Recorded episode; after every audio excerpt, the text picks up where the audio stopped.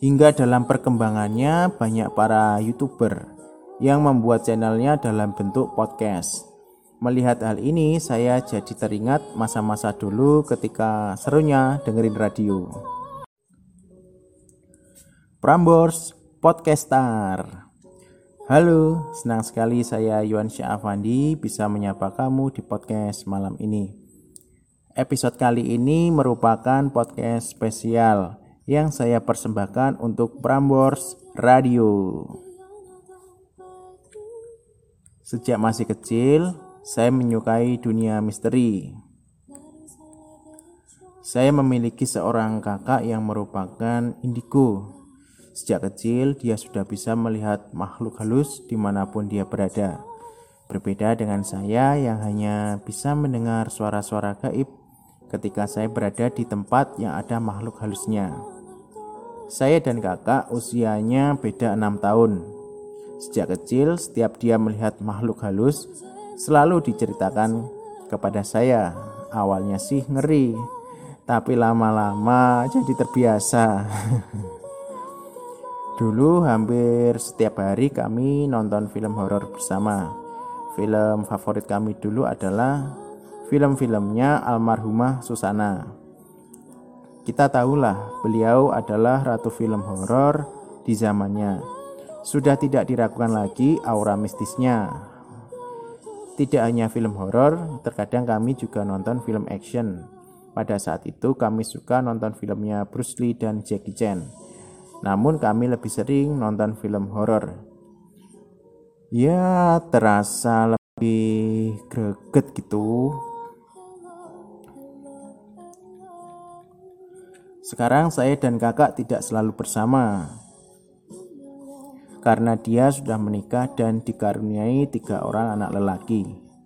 Karena kebiasaan sejak kecil dengerin cerita kakak dan seringnya nonton film horor, jadi tertanam dalam pikiran saya segala sesuatu yang bersifat misteri.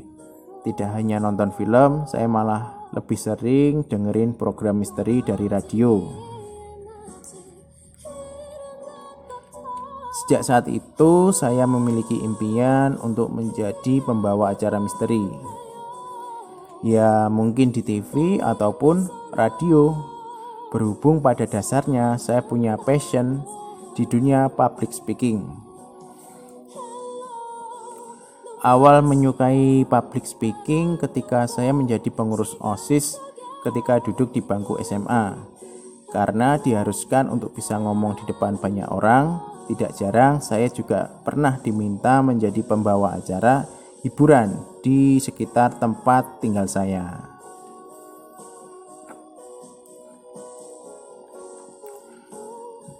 Tapi pada saat itu tidak memungkinkan saya meneruskan impian saya karena orang tua saya lebih menghendaki saya untuk menjadi dokter. Namun pada akhirnya tidak menjadi dokter juga.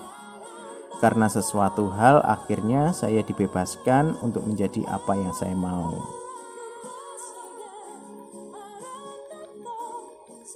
Meski begitu, untuk bisa masuk ke dunia penyiaran tidak semudah yang dibayangkan. Karena tentunya kita harus siap dengan yang namanya persaingan.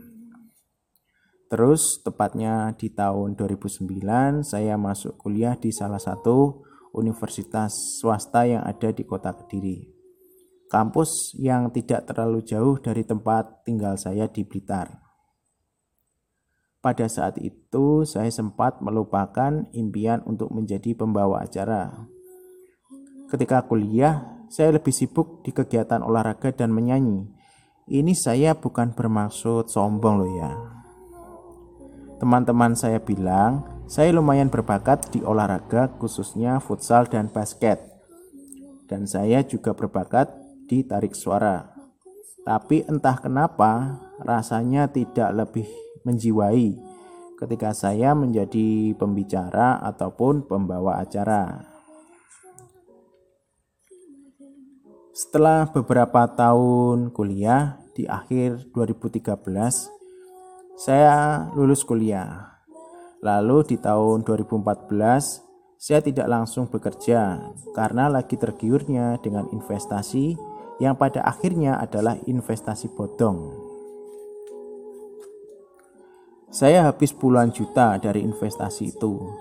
Yang lebih parahnya, saya harus mengganti uang teman-teman yang saya ajak di investasi itu. Parah nggak tuh? Tahun 2015 hingga 2016, saya sempat bekerja berganti-ganti hingga dua kali, dari kerja menjadi sales mobil, sales motor, hingga karyawan bank. Mulai tahun 2017 hingga sekarang, saya resmi menjadi pengangguran.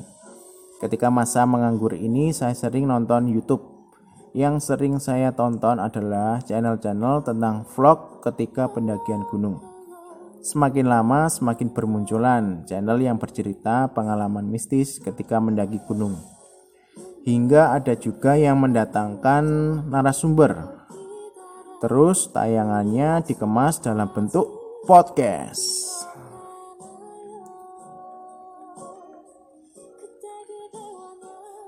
Hingga dalam perkembangannya banyak para youtuber yang membuat channelnya dalam bentuk podcast. Melihat hal ini saya jadi teringat masa-masa dulu ketika serunya dengerin radio. Ya kebetulan saat menganggur seperti sekarang ini saya teringat passion saya dalam public speaking. Maka saya mencoba membuat YouTube berbentuk podcast juga. Ya, meski penonton dan subscribernya masih sedikit, ya namanya juga masih merintis. Meski lebih sering dengerin dan membuat podcast misteri, pada dasarnya saya juga siap membawakan tema podcast selain misteri. Misalnya percintaan ataupun perihal kaula muda. Saya siap mempelajari hal-hal barulah pokoknya. Saya juga berharap suatu saat nanti bisa belajar kepada Kak Desta, Kak Gina, Kak Kenny, dan seluruh personil Podcast Mas Asia Network agar bisa menjadi podcaster yang lebih handal. Ya, itu tadi sepenggal kisah perjalanan saya dari menyukai public speaking hingga memasuki bidang podcast. Saya berharap bisa menyalurkan minat dan bakat yang saya tekuni. Semoga ke depan saya bisa memberikan yang terbaik untuk semuanya. Sekian podcast kali ini, podcast yang secara spesial saya persembahkan untuk Prambors Radio. Saya Yuan Syah Afandi undur diri. Sampai jumpa di episode berikutnya.